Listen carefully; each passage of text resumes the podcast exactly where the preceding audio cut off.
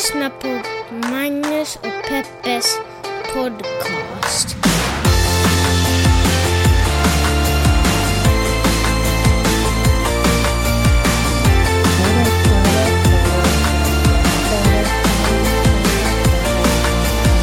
Hallå internet och hjärtligt välkomna tillbaka till del två av den här maratonsändningen. Vi kommer precis tillbaka ifrån uh, The woman's March. Women's March naturligtvis. Det är inte bara en kvinna som är ute och marscherar som alla andra får stå och titta på. Utan det Och, var ju en eh, sak en om det? kvart miljon människor. Var det så pass många? Hörde jag, jag, det hörde jag bara något rykte om där borta. Jag såg någon, att någon skrev 400 000. Mhm. Det känns väldigt mycket. Mm. Ja. Vad vet jag? Vad vet jag. Men vad, vad, eh, vad kände du när du var där? Jag Solig fin dag i downtown. Förresten för Hufvudstadsbladet därifrån. Vi skulle ha gått annars också, men det var en av orsakerna att jag var där. Och eh, så skyndade vi hem efter marschen, skrev jag en, eh, en kort text, skickade in bilderna, jag hade gjort Insta-stories och det och det andra. Och så hade jag skrivit en rubrik till min text också. Och vanligtvis så ändrar ju de nästan alltid rubriken. Antingen är jag som är dålig rubrikskrivare eller så är det jag som är dålig rubrikskrivare. Men de hade ändrat den från... Mm. Jag vill inte vara Peter, men jag tror det heter rubriksättare. Ah, ja, språk, vem bryr sig? Ja. Och, eh, men så hade, jag kommer inte ens ihåg vilken rubrik jag hade haft, det var någonting om att den här marschen handlade om att rösta liksom i, i kongressval. Vad det handlade om marschen? Men så hade de ändrat den till kvin- stolta kvinnor marscherade i Los Angeles. Och jag tycker att det var, blev så fel då, för trots att den heter Women's March betyder det ju inte att det bara är kvinnor som marscherar. Tvärtom är det liksom vårt jävla patriarkala samhälle som tänker att mannen är normen. En marsch, där marscherar både kvinnor och män, men Women's March, det är liksom, om någonting är för kvinnorna är det bara kvinnorna som, som marscherar där. Det är som att på något sätt jämställdhet och feminism är en kvinnosak. Det är liksom kvinnorna som ska sköta om det, männen har inte så mycket, de kan bara sitta vid passivt eller vid sidan om. Det var de facto ganska många män där. Eh, Men frågan är, fick läsarna någon hint om det? De bilderna du tog, hade du män med på bilderna? Absolut. Ah, okej, nej, men då så. Ja, då borde det ha varit klart. Ja. Ehm, ja, men det var väl eh, det andra gången. Det var ju nästan årsdagen för, eh, för den här marschen förra året också. Eh, kul att vara där faktiskt. Och det känns extra roligt att ta med sig eh, barnen dit, även fast de kanske inte nödvändigtvis tyckte att det var extra roligt att vara där. Men jag tänker att det är ändå ett bra sätt att slussa en ny generation in i eh, demokratins... Demokratiska processer. I till exempel demokratiska processer. Jag tycker det är otroligt viktigt att göra det. Jag har ju sällan, om ens någonsin, varit på sådär första maj-tågen. Ute och marscherat i Sverige. Det har jag inte gjort. Så det är konstigt att jag blir så jäkla engagerad bara för att man är i USA. Men det är på något sätt finare väder, det är roligare. det, är en tre- det är en roligare miljö än att gå på sina Så om vi vanliga... bodde liksom i Washington DC eller New York skulle vi inte gå på den här. Jo, det tror jag. Jag tror att det, det Om jag skulle jobba då skulle vi kanske gå. Miljöombytet gör att det är trevligare att vara ute och marschera här. Det är ju en fin plats att marschera på. Fair enough. men det det är som jag är så förbluffad över, du brukar ju säga att du har tur, att allt du företar dig blir ganska bra. Mm. Eller att du liksom, du bara... Men kan vi Du konstatera att reser genom livet på en räkmacka om vi säger så. det är ju inte bara snack. Nej, idag fick vi igen bekräftelse på det. Överallt stod det ta inte in bilen. Det går gratis eh, shuttlebusses från West Hollywood och det går tåg från Santa Monica och det ena och det andra. Vi är så sent ute så vi tar såklart med barn och allt möjligt bilen. Kör in, får den sista parkeringsplatsen i hela stan. Promenerar ett kvarter, är inne i marschen. Promenerar ut, sätter sig i bilen, kör hem och är hemma 20 minuter senare. Herregud. Ni, Jag vill inte ge dig cred för det här, men jag fattar inte hur du kunde ha en sån Men när du berättar det här så, man tappar, alltså folk som inte är här förstår ju inte mängden människor och storleken på den här staden. Den här resan skulle ju egentligen ha tagit liksom hela dagen. Men nu blev det nästan en två och en halv timmes grej för att vi kom in till stan på 20 minuter och ut till stan på 20 minuter. Alltså, och det är tar det en och en omöjlighet. halv timme att åka in Ja, dit. det händer inte. Skitsamma, ja. jättekonstig grej. Men eh, ja, det, det, är min, det är ju min superpower. Att jag är blessed. Och jag, jag är ju rädd varenda gång jag säger det för att jag tänker att eh, den som vakar över, min, över mitt eh, räkmackeglid, den kanske tröttnar på att höra mig säga det. Men eh, jag tror att det är också viktigt att man bejakar sina starka sidor. Och det här råkar nu vara min starka sida. Alexander Lukas. Ja, Alexander Lukas. Jättekonstig inledning på det här andra avsnittet. Eh, Men Women's March är i full gång. Eller har det, avslut- det har väl avslutats nu förresten? Ja, klockan tre Ja, avslutades så det. då kan man gå in och titta på hbl.fi kan man se din rapportering där. Bland annat. Eh, apropå politiska grejer. I Storbritannien så har man utsett en ny minister. En eh, ensamhetsminister. Åh, Det, ja, eh, det är vad ju... gulligt och sorgligt. Det låter ju otroligt roligt eh, att man är ensamhetsminister. Det är Tracy Crouch, heter hon, som har utnämnts till, till det här. Och det är helt enkelt därför att man i Storbritannien har insett att eh, britterna är ett väldigt ensamt folk. Folk lider av sin ensamhet och det är nästan som en folksjukdom. Och eh, det är tydligen så att ensamheten orsakar fler eh, liksom dödsfall och... och Men vet du vad det där såg jag något klipp om alldeles nyligen? Ja. Min referens är internet. Internet, ja. Så då har man helt enkelt bestämt sig för att, eh, ja, nu ska vi ha en ny minister. Men vad ska hon göra då?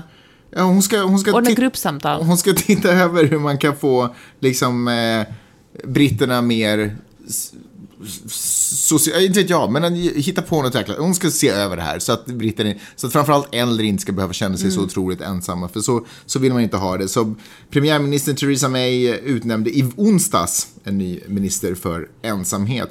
Det fanns ju en annan minister som var engagerad i det här tidigare.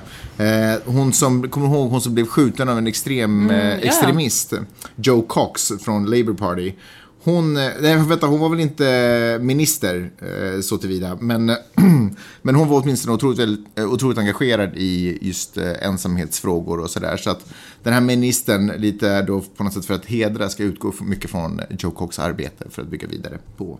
Så att folk inte ska vara så ensamma. Och nu är de ju utanför EU så det är ännu ensammare.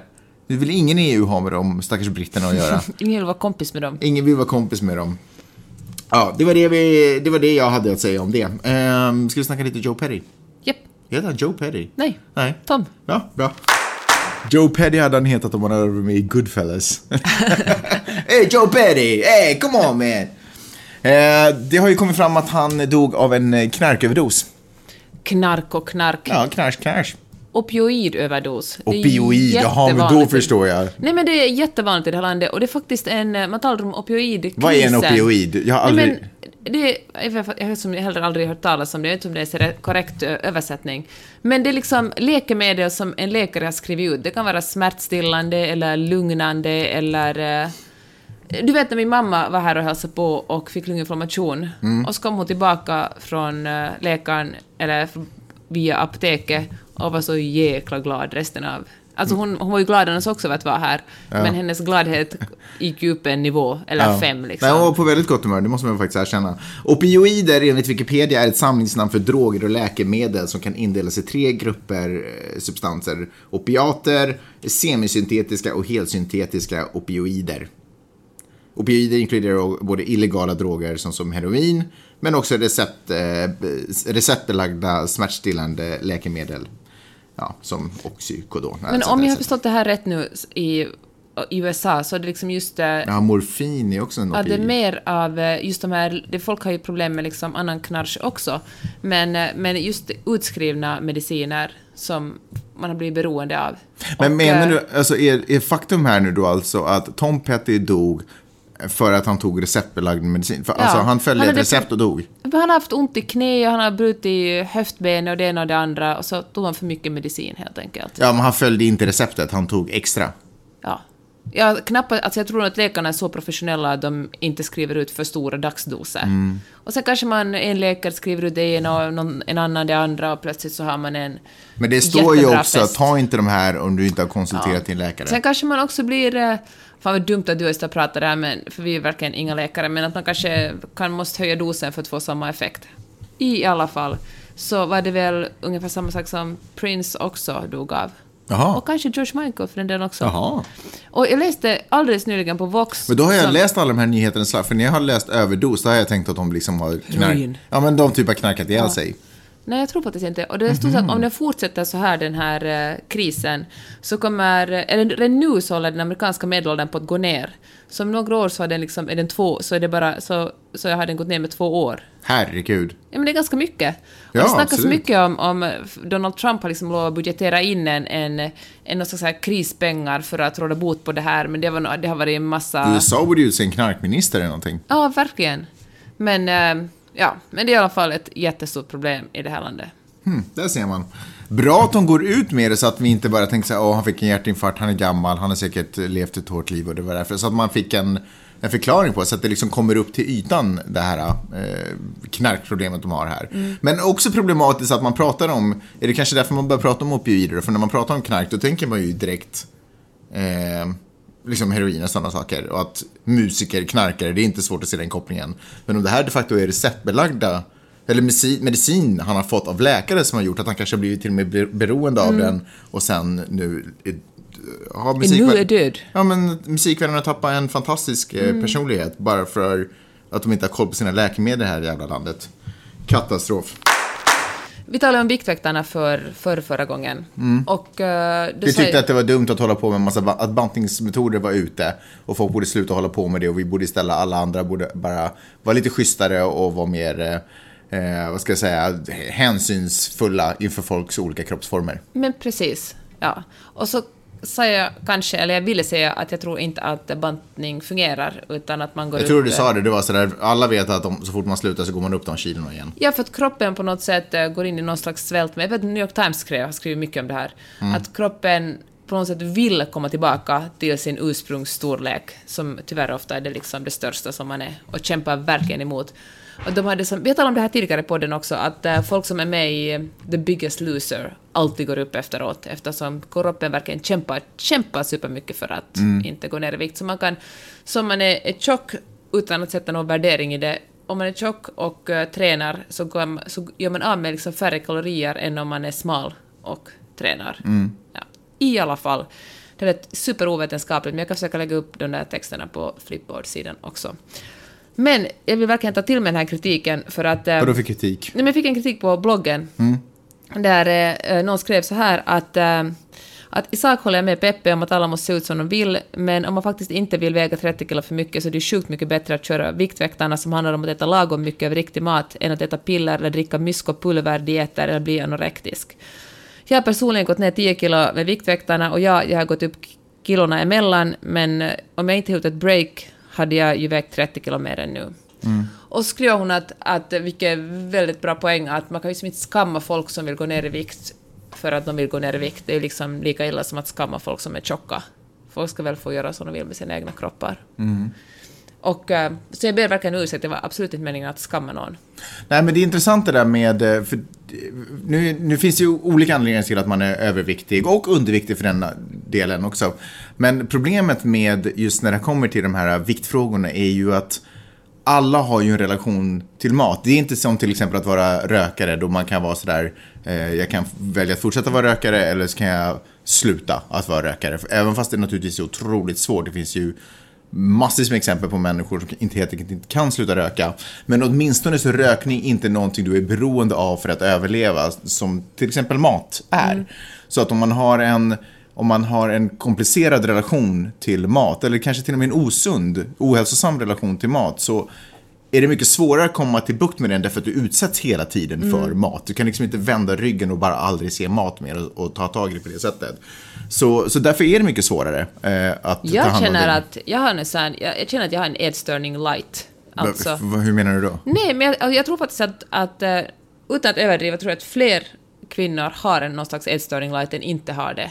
För att åtminstone kanske min generation kanske är bättre om man är född på 90-talet och liksom har en mer avslappnad syn på hur det är att... Men sitter du och hittar på något problem nu för att du ska vara som, som, som dem inom nej, inte alls, men jag tror liksom att, att alla kvinnor funderar ut, vare sig de vill det eller ingen vill det, funderar sådär att åh nej, gud vad jag åt mycket nu.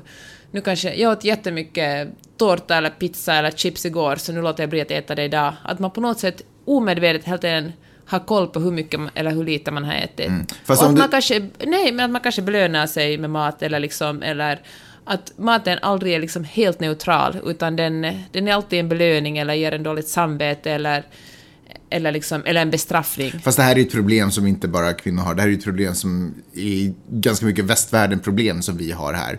Eh, att vi har tappat en sund relation till mat. Vi vet inte längre vad som är hälsosam mat och vi vet inte riktigt hur vi ska få tag på den om vi ska vara helt ärliga. Nej, fan, och dessutom så det- hjälper ja, inte matindustrin Det oss där är heller. kanske ett problem, men det är faktiskt inte det jag menar. Jag tror faktiskt att kvinnors kroppar är hela tiden är så objektifierade. Jag menar, folk som växte upp och läste Det är sant, men män blir ju också eller- överviktiga. Absolut, men män tror jag jag tror också att alltså det är inte heller okej för män att bli över, överviktiga, men kvinnors kroppar blir ändå mycket hårdare granskade än mäns kroppar. Ja, men fast det och har... när ni växte upp, när du växte Jo, men det är upp, sant, vad läste du för tidningar? jag- Vad kollade du för program där man hela tiden kommenterar hur man skulle bli Jo, men bara för, att jag inte lider eller- av, bara för att jag inte lider av det behöver inte betyda att jag inte har en osund relation till mat. Nu pratar ju du bara om hur vi bedöms av andra människor, men jag kan ju fortfarande ha en, en övervikt eh, och ha ett problematisk inställning till mat utan att jag går omkring och känner sådär att åh nej, jag vill ha en snyggare kropp. Nej, men jag tror Jag kan ju att fortfarande leva ett att, ohälsosamt liv ja, utan att jag är bedömd. ja, men jag tror liksom att kvinnor, just det att det är så viktigt hur kvinnor ser ut, att man lär sig vilka sorters kläder man ska ha på sig för att se smal Så jag ut. vet inte vad det här har, har med det här att göra. Nej, men jag, det som jag ska säga, att jag tror att mat är väldigt... Eh, att mat på något sätt är ah, väldigt, väldigt sällan neutralt. Utan att, att jätte, jättemånga kvinnor, och säkert män också, har en lite komplicerad relation till mat. Alltså ni, du som lyssnar och inte alls håller med mig, eller håller med, hör av er och, och se Fast- om jag är helt ute och cyklar. Jag tror inte, ja okej, du, du har naturligtvis rätt i det, men jag tycker att det är liksom en annan, eh, det var inte riktigt det vi pratade om, vi pratade om folk som har problem med sin övervikt. Eh, och, och, och problemen med att försöka göra någonting åt det. Det är därför man också ganska Men lätt, okej, okej. men vänta, det är därför man också ganska lätt faller tillbaka till det efter att man gör en diet, därför att man har eh, Eh, den här, den här perioden som man har hållit på med dieten kanske inte varit tillräckligt lång, man har liksom inte fått in det system att börja arbeta med mat på ett hälsosamt sätt och i och med att du hela tiden är utsatt för mat så är det mycket svårare att stå emot de här inre drivkrafterna som vi drar dig tillbaka till gamla rutiner. Fattar du vad jag menar? Ja, jag tror det också, men jag tror faktiskt att kroppen helt fysiologiskt också kämpar emot. Och när- kroppen får mat så börjar den lagra det sen igen. Men jag tycker också att bara genom att gå på en diet så skapar man ju ett komplicerat förhållande till mat, för då tänker man ju på mat hela tiden och då handlar det om hur mycket man får äta. Nej, men att gå på en diet handlar ju om att komma ur de dåliga rutinerna.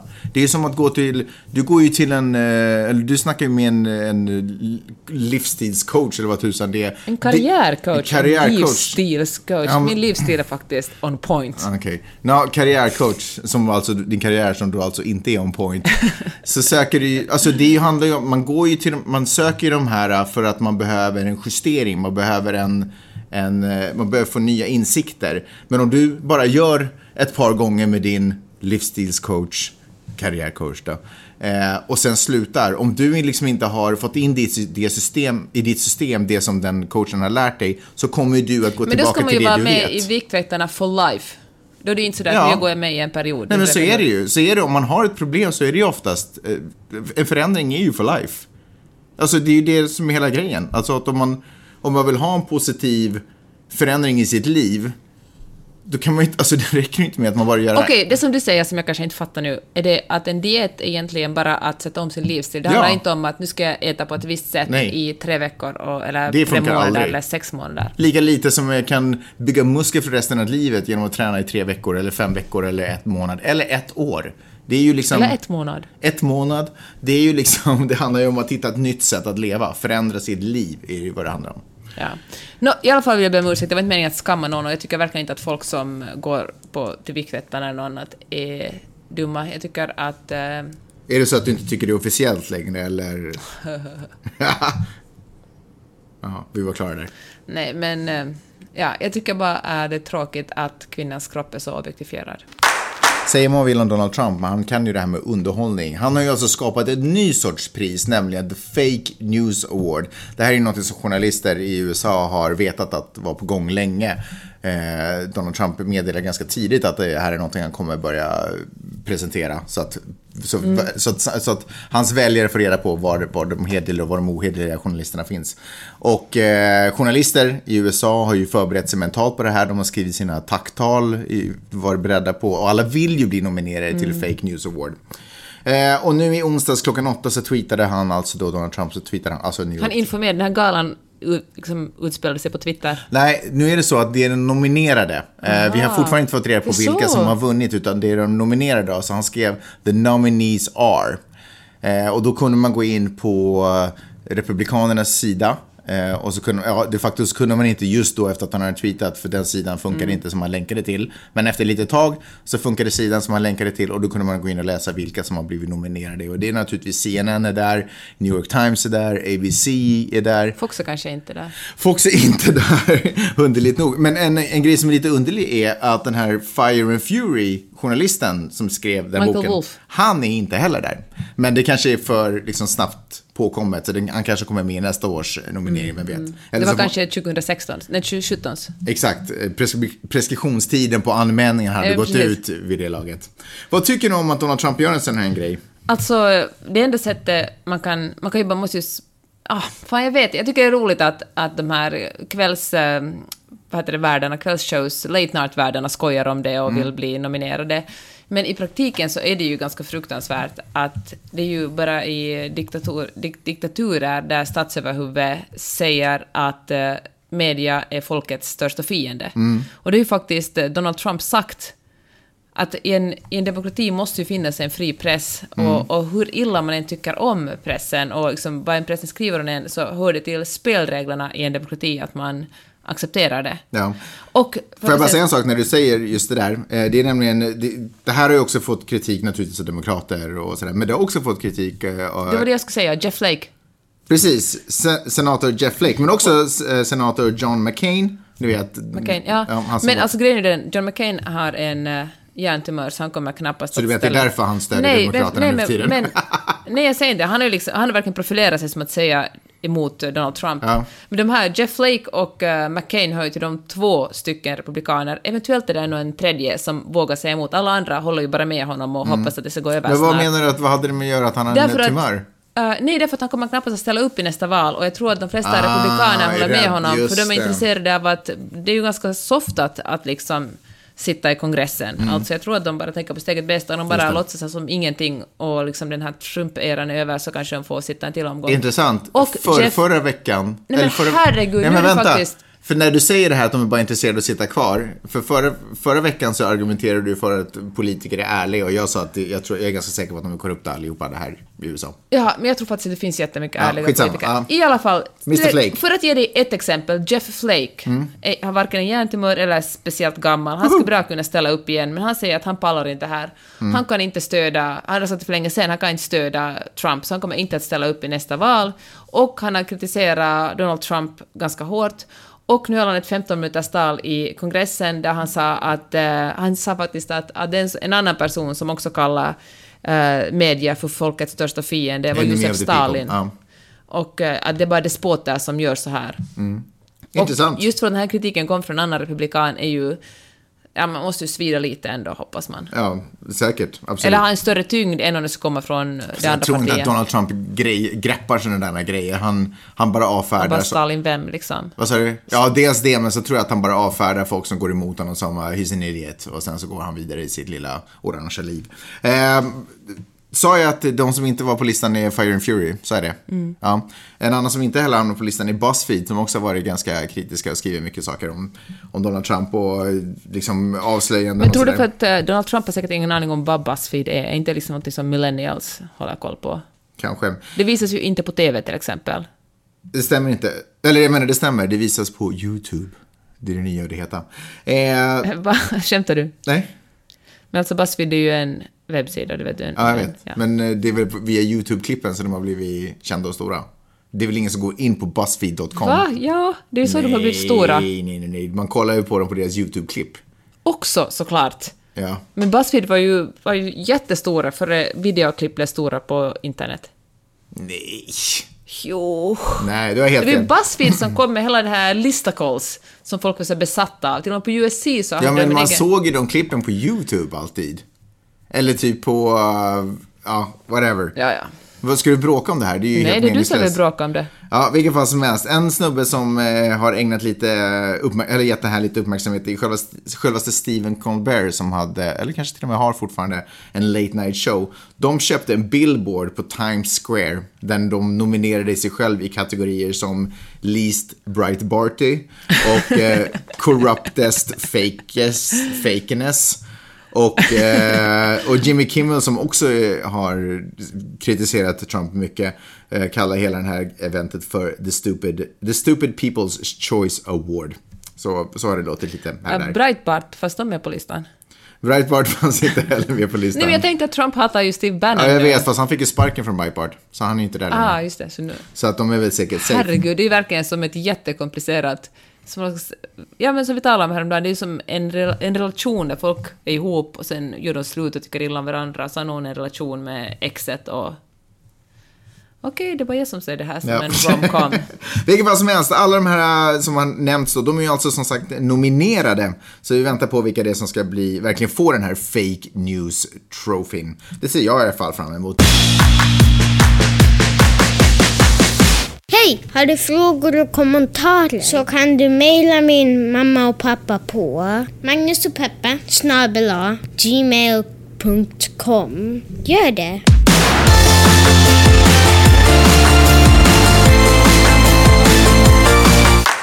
Sedan klockan 12 i natt så har ju den amerikanska, det har varit en sån här government shutdown. Jag vet inte hur jag ska säga det här på svenska. Jag, Den, den eh, amerikanska statsapparaten ligger tillfälligt nere. Tack DN för den eh, tituleringen. tituleringen. Det var DN, eller hur? Ja.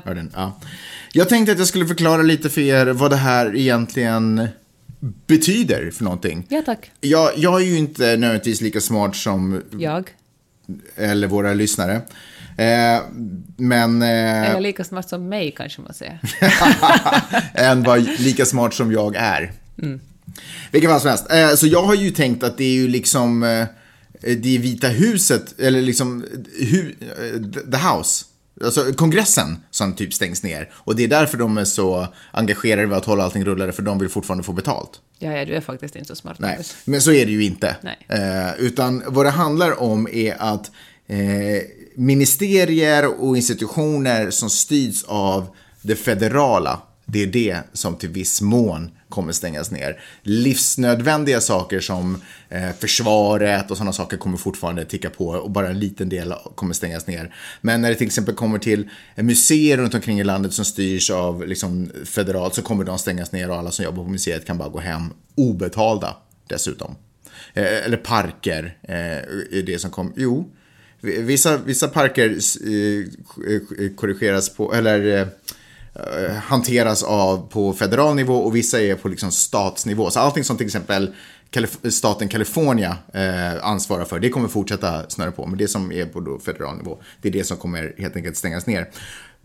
Har du förstått varför det blev så att det stängs ner? Nej. Ja, eller har du det? Du vill bara humor me så att jag får berätta. det är så dåligt. Så här är det, att de här sakerna då som, man på, som eh, regering på federal, federal nivå sköter, de här olika ministerierna och alltihopa. Det finns vissa av de här grejerna som, där det, dealen är att en gång om året så måste en budget sättas upp egentligen för de här, för att de ska kunna fortsätta ticka, så att de ska kunna få pengar. Och om det inte sätts upp en budget, då får de inte göra med pengar, och får de inte göra med pengar, då kan de inte ha folk som jobbar där eller anställda där, och det är det som är grejen. Och nu är det då liksom, har det varit dags ett tag, att sätta budget för de här olika institutionerna, och man har helt enkelt bara inte kommit till en lösning, därför att det finns demokratiska senatorer som vägrar eh, gå med på de här budgetförslagen om inte Donald Trump och hans regering kommer med en vettig lösning på hur man ska lösa den här eh, DACA-grejen som alltså då handlar om immigrerade, eller för, eh, människor som kommer hit med små barn som, var, som har fått växa upp här och som nu är vuxna och som har varit skyddade av Obama.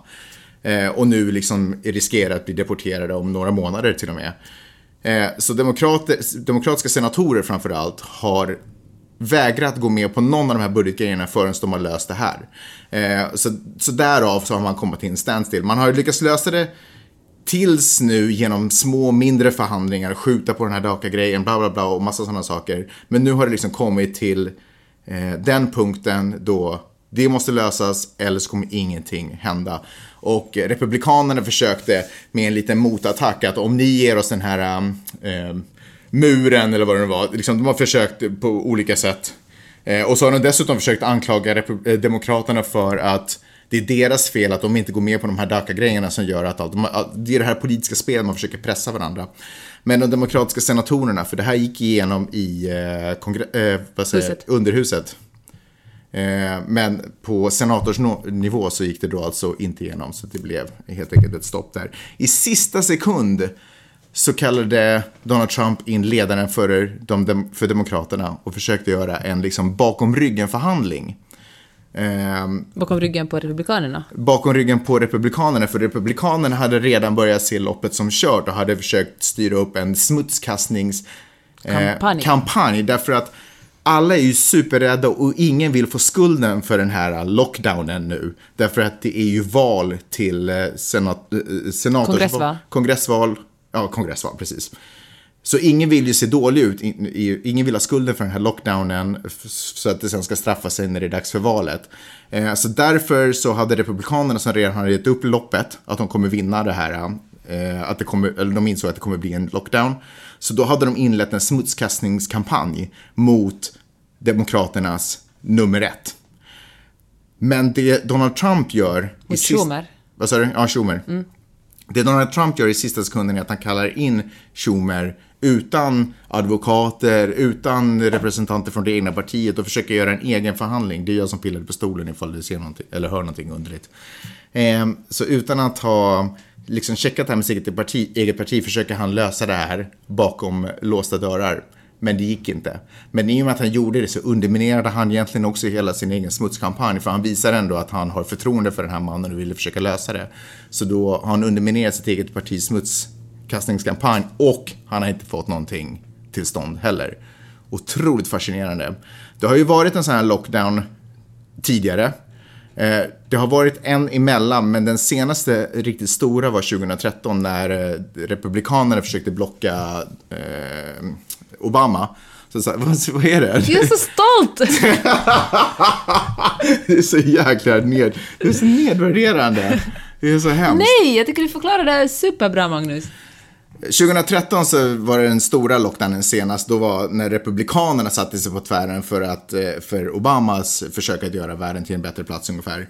Eh, Jag är inte dugg färgad heller av vad jag står politiskt. Så, eh, men den backfirade för att Republikanerna fick skulden för den här grejen. Vilket också ledde till att Demokraterna sen lyckades få majoritet i kongressen. Så det, är, det, är ett, det är ett spel på många nivåer. Det är ett förhandlingsspel om sakfrågor, men sen är det också ett förhandlingsspel om vem som får skulden. Nu är det ju så att i sydligare stater så har folk faktiskt visat, eller har folk, eh, i sådana undersökningar som har gjorts så har folk faktiskt sagt att om det blir en shutdown på grund av att Demokraterna inte går med på DACA-förslaget så då kommer det inte vara i Demokraternas favör, så att säga. Men jag antar att Demokraterna ändå spelar på det stora, liksom, nationsomfattande statistiken som visar att Demokraterna står ändå som the good guys i, i de här förhandlingarna och att de snarare visar på ryggrad som inte låter sig utpressas för att de eh, eh, för att undvika den här lockdownen. Det jag kanske inte riktigt förstår är hur det kan vara den här situationen för Republikanerna är ju de facto i majoritet i både senaten, eller i hela kongressen. Men det är kan- för att det finns republikaner som är på Demokraternas sida. Ja. Men jag tycker det är intressant att man fokuserar... Ja, jag tycker det är intressant. Ja, just det, precis. Så de har väl inte tillräckligt. Men det är intressant att de då ändå försöker sig på en smutskastningskampanj Mm. mot demokrater när de inte ens har alla sina egna med sig. Men det ser bättre ut att smutskasta motståndarna än sina egna medlemmar. Så där har ni en liten one-on-one med vad det betyder den här shutdownen. Kan jag få en liten applåd, Peppe? Några andra amerikanska politiska noteringar som jag skulle kunna meddela om är att Donald Trumps regering har gjort det lättare för folk som jobbar inom sjukvård att avstå ifrån att hjälpa kvinnor som till exempel vill göra abort eller köns... Eh, Korrigeringar korrigering, heter det så? Ja, vilket fall som helst, den typen av saker, att de har gjort det lättare att, vilket är ju helt absurt, för om man ger sig in och jobbar inom vården, då ska väl vården vara för alla.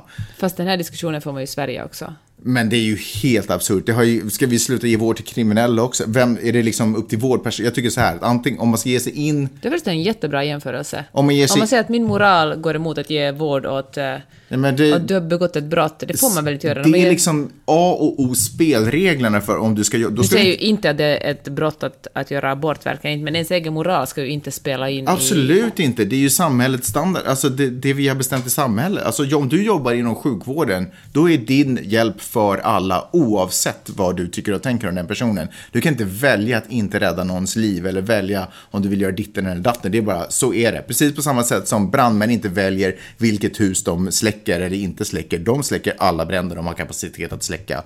Och polisen skyddar alla. Så, så är det bara. Så det är helt absurt om de diskussionerna för sig går i ett så civiliserat land som Sverige eller i Norden.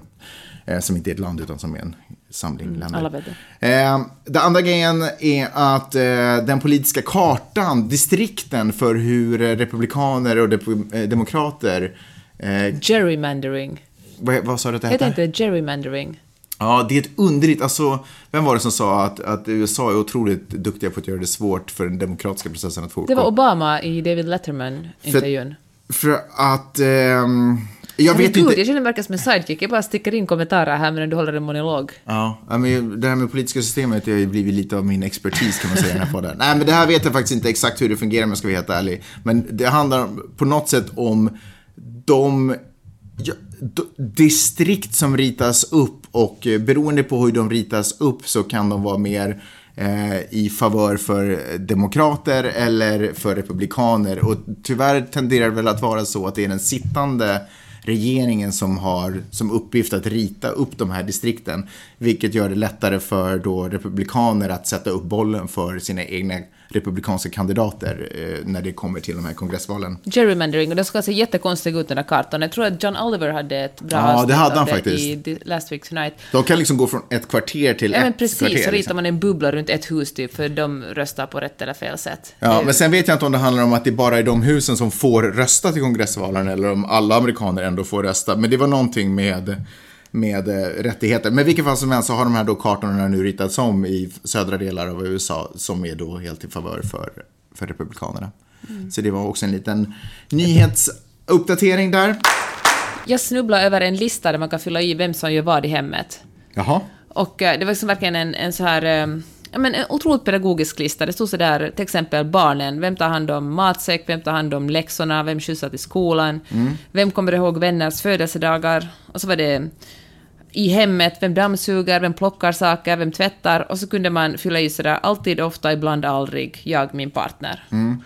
Och, eh, och sen när jag gjorde det här... Och så kunde Har du man gjort det här testet? Eh, nej, jag tänkte Sådär inte göra i, det. i, i bitterhetens skugga har du suttit Kanske, och bara checkat in. Jag plockar. Men har du varit ärlig? I alla fall. Ja. Och så bloggar jag om det här och Ah. jämställdhet och vilket bra sätt det är, för ofta har man en uppfattning om att man gör vissa saker som man kanske... Ja, men man har ofta en uppfattning om att eh, man lever, om man lever jäm, jämställt eller inte jämställt. Mm. Och då tänkte jag på en sån här sak, att eh, det är ju hög status att leva jämställt. Det är lite finare att leva jämställt än att leva ojämställt. Fast det är finare att säga att man gör det. Ex men jag menar just det. Alltså det är inte i praktiken. Mm. Nej, nej. Men det är fint, man är liksom, man är en sån här, en, en modern människa Mm. om man säger att man lever jämställt. Och det tror jag har, det finns två jättestora nackdelar med det. För det första kanske det gör att man, att man friserar verkligheten lite. Mm. För man, man vill höra till det coola gänget, man vill höra till den där, man vill vara en, en superfeminist eller en, en bra modern kvinna. Och säkert oftast kvinna, för som vanligt har kvinnorna på det på sitt ansvar också, att man ska leva jämställt. Men den andra, den andra hemska saken med det här är att folk som inte lever jämställt blir dubbelbestraffade. Inte nog med att de, då vanligtvis kvinnorna, tar hand om allt i hemmet och jobbar kanske deltid och, och uh, har det helt enkelt slitigare, gör mer oavlönat jobb. Dessutom får de bära skulden att vara lite låg status eftersom de lever i en, en traditionell relation. Varför är det just de som är det, det är inte männen som får den? männen bryr sig ju inte. Fan, de är ju på jobbet. Och uh, så jag tänkte att vi måste... Men jag tänker att killar kan, högstatuskillar inom citationstecken, kan eh, börja bete sig illa, eller kan liksom så här pika då de här männen som inte går med på att leva jämställt. eller går Tror du med på det? att säga det. Jaha, det har jag aldrig tänkt på. Existerar sånt? Nej, jag kan tänka mig att det gör det. Har du gjort det någon Nu gång? lever jag så långt ifrån killar höll jag på att säga, så nu vet och inte jag det. Men eh, Testa det på bastuklubben någon gång. jag ska testa det. Det kommer ju en ny inbjudan, så att, eh, jag testar det kanske någon gång i februari. Ja, men då tycker jag i alla fall att man ska checka sig själv innan man, eh, Ja, men det är ju ingenting kanske som man går ut och säger högt att jag har hög status. Man måste fundera på att det är, liksom, det är ingens eget fel om man lever ojämställt, utan det betyder bara i att man lever i ett patriarkat. Nej, jag tycker att det är väl bra att man säger, även fast man inte lever fullt jämställt så tycker jag det är väl bättre att man fejkar att man gör det än att man inte gör det Varför alls. det? Nej men för att jag tänker, du vet, fake it till you make it, att man kan väl... Nej, tvärtom uppmärksamma hur det är. Jag tror att om man säger det så kanske fler säger fan så där har vi det också. Så märker man att det är ett mönster. Har alla kvinnor gör på det här sättet eller alla män gör så här. Då är det ju ett strukturellt problem. Då får vi se över tillsammans. Ja men det måste för- väl vara bättre än att, att, man, att man låtsas att man lever jämställt än att man inte lever jämställt, eller att man skjuter ner det. Jag säger inte att man ska skjuta ner det, utan man ska bara säga fan vad ojämställt jag lever. Vi måste, vi måste göra någonting åt det här problemet, för jag mår inte bra i den Mm. här relationen. Okej, eh, du, det här testet som du har, kan inte du bara randomly, plocka inte ut någonting nu, utan randomly ta fyra stycken, fem stycken så får vi en vinnare också. Så ser vi hur, eh, vem som gör mest av dig och mig. Ta, ta fem stycken punkter, det första du ser. Okej, ta hand om återvinning slash sopsortering. Gör du det alltid, ofta, ibland, aldrig? Jag gör det ibland, slash aldrig. Gör det ofta. Ja. Så 1-0 till dig. Uh, Kan, försök nu inte välja här. planera och laga middag för gäster. Nu, nu har vi ju inte ofta gäster, kan man börja där. Eh, men planera... Planera att gå ut och äta då. Ja, men, ja, ja, ja, fan, jag vet inte. Ofta. Det är jag som, bo, som fixar det. Va? Styr upp det. Hur Du ofta styr ju inte du? upp någonting. Men vem är det som planerar det? Säger ah, lördagen klockan fem passar bra. Nej, men det är ju för att du får kontakten, du får ju samtalet. Ja, varför men, tror du det? Nej, men du säger planera och styra upp middag. Du styr ju inte upp middag. Men det är jag som planerar, så säger jag kolla kalendern, kolla med dig, har du något annat då, kolla med dem, jag har den dagen Kolla väldigt inte. sällan om jag har något annat. Ja, men du har ju aldrig något annat. men jag Okej, tycker... okej. Hålla kontakt med släkt och vänner. Ja, jag gör det ofta. Inte dina släkt och vänner, men mina släkt och vänner. Vad pratar du om? Jag snackar med min mors i telefon superofta. Och vem mer då? Och sen Tommy pratade med mig i telefon. Och, och alldeles för sällan Betsky. Ja. Du säger att du ofta har kontakt med släkt och vänner. Ja, jag tycker att jag ofta har släkt, kontakt och släkt med... Okej, det är ju väldigt subjektivt. Du talar med Petski två gånger om året. Ja, det- och med det- okej, Tommy det- talar du kanske... No, Okej, när han är här, när han flyger över till Los Angeles, pratar så då brukar du träffa honom minst en gång. Ja, men du, nu ska inte du bedöma mig, du ska ju bedöma okej, dig själv. Okej, jag säger ofta. Ja, okej. Okay, fine, du vann den. Vad har du? 2 2-0 nu då? Initiera samtal med den andra parten. Ja, men där tycker jag att jag är ganska bra i alla fall. Ofta. Ja, men då får jag också ett ofta faktiskt på den. Nej men gud, du vill ju bara vinna. Nu går ju du bara in för vinna. Du är ju bara tävlingsinriktad Okej, nu. semester. Du är inte intresserad av... Semester research. Ja, det vet du, men jag vet inte ens vad det betyder. Vi åker alla på semester. Var vi ju hela tiden i Palm Ah, Springs okej, eller... fine. Det här var... Okej, okej, vi tar nej, barnet. Okej, nej, du nej. kan få en, du kan nej, få en. nej. Du kan få... Så du håller på och väljer? Nej, nej, nej, men vi har inte tagit barnkategorin alls ännu. Strunt samma. Okej, gå upp på natten Nej, om barnet vaknar. nej, jag är inte gå upp på natten om barnet vaknar. Ja, jag gör det ofta. Jag, gör det aldrig. alltid. Okej, titta du fick den. Ja, Kom ihåg att Nej, fixa du matsäck. behöver inte ge mig- Kom ihåg att fixa matsäck. Du, Du- får alla på barnet. Du behöver inte ge mig någon... Hur många av de här utgörs av barnet då? Hur stor procent är barn? Det var en hel tredjedel. En hel tredjedel? En tredjedel. En, tre... en tredjedel? En tredjedel. Gör jag åtminstone. Ja, Hjälpa till med läxor. Vi struntar det här. Jag orkar. Jag Det gör jag aldrig. Nej, jag gör alltid det. Jag ångrar att jag Titta. tog upp det här. Ja, men det blir ju tråkigt när det blir en tävling. Jag, borde inte... jag vet att det var på mitt initiativ. Men jag visste inte att du skulle gå så som en blodhund in i den här uppgiften. Jag tänkte att vi kunde ha lite kul. Hur ska jag göra det då? men uppenbarligen så väljer ju du Jag ut de som är valde intressanta. faktiskt inte. Jag gick ner till barnkategorin och du fick ju dem alla. Dessutom, så här, om man bara sätter lite sådär viktighets... Om vi lägger dem på fru Justitias viktighetsvåg och så lägger vi ordna middagar för vänner på den ena och så ordnar vi barnrelaterade saker på den andra. Vad känner du? Är... Men du, vem har bakgrund av barnen i sin kropp? Vem la in dem? Och tror att det, det, var, det var en ganska svettig uppgift det också. Men jag bara, men helt ärligt, handen på hjärtat. Ursäkta, du la in dem. Stopp. Handen på hjärtat. De här grejerna som du tog upp, så här, vem googlar semestrar? Vem googlar, vem skriker namn på restaurang som sen då jag ändå ringer och fixar bord på? Och vem, vem gör att det, det Vi har det på Det den är ett ena... enormt tankearbete. Vem, du, du har... Älskling, du är, alldeles, stopp, du är alldeles för smart för att ägna dig åt enormt tankearbete. Säg senaste gången. Säg se, enormt tankearbete. Nej, men det är massa små saker hela tiden. Åh, när ska vi flyga till Stockholm? Ska jag ta de här biljetterna och de där biljetterna? Du vet, varje gång jag Mm. bokar flygbiljetter hem till Stockholm får jag panik för det är så otroligt Ja, men kräva att du får panik, det, kan inte, det betyder ju bara att du är dålig på det du gör. Det är liksom inte men- att sådär, jag är superstressad på jobbet. Ja, för att du är dålig. Om du hade haft koll på dina arbetsuppgifter, då Vet hade du vad? inte varit, känt panik och Det tyckt att det var tungt var och jobbigt. faktiskt inte okej, Men jag Magnus. försökte ändå Jag bara- är inte dålig på det. Jag kommer aldrig, du, du säger så många konstiga saker så jag blir distraherad i min, min utläggning här.